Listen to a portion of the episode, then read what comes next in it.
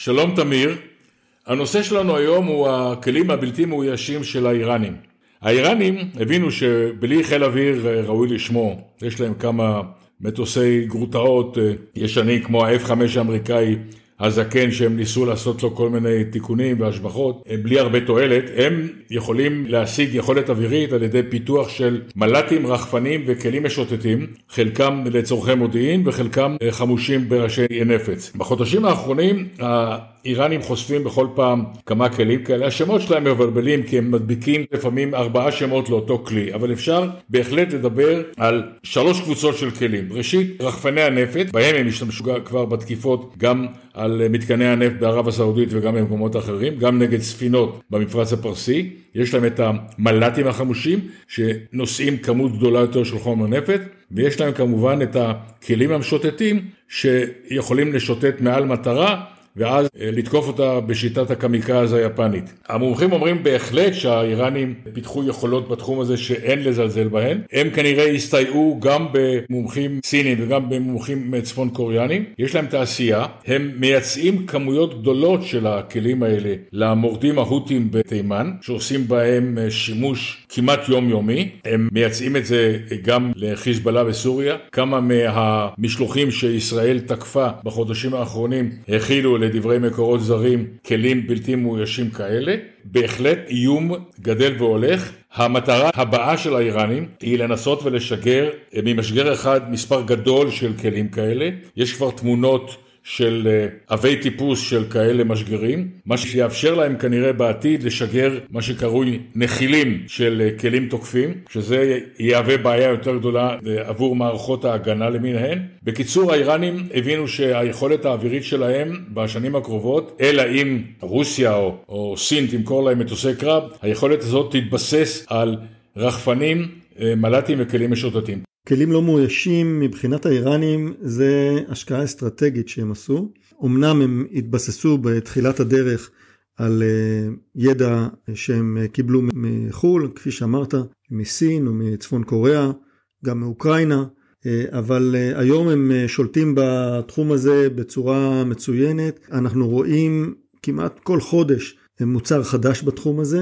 חלקם הם נגזרות של מל"טים קיימים, אבל יש הרבה מאוד שהם אה, גרסאות חדשות לגמרי, שלא ברור מה המקור שלהם, האם זה פיתוח אה, מקומי אה, איראני, או משהו שקיבלו, אם זה מסרביה, או מאוקראינה, או מצפון קוריאה, כי חלק מהדגמים האלה פשוט לא נראו בשום מקום אחר.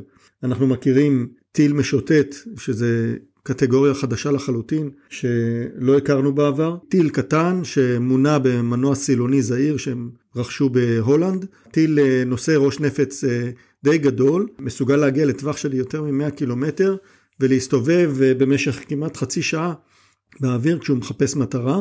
ראינו בתקיפות האחרונות שעשו על הבסיס האמריקאי בעיראק מל"טים חדשים לחלוטין עשויים מסיבי פחמן, חומרים מרוכבים מאוד מאוד קלים שמאפשרים למל"ט אה, זעיר, נראה כמו טיל אבל הוא בעצם מתנהג כמו מל"ט, לשייט אה, לטווח די ארוך, זמן ממושך ולצאת ראש נפץ יחסית גדול בגלל שמשקל הגוף קטן מאוד. כך שהאיראנים יודעים לתכנן את ה...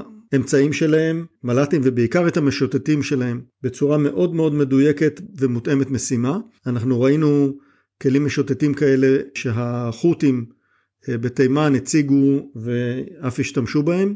מעין אה, מל"טים אה, בתצורת דלתא, שגם כן היו מסוגלים לטוס לטווחים מאוד מאוד גדולים.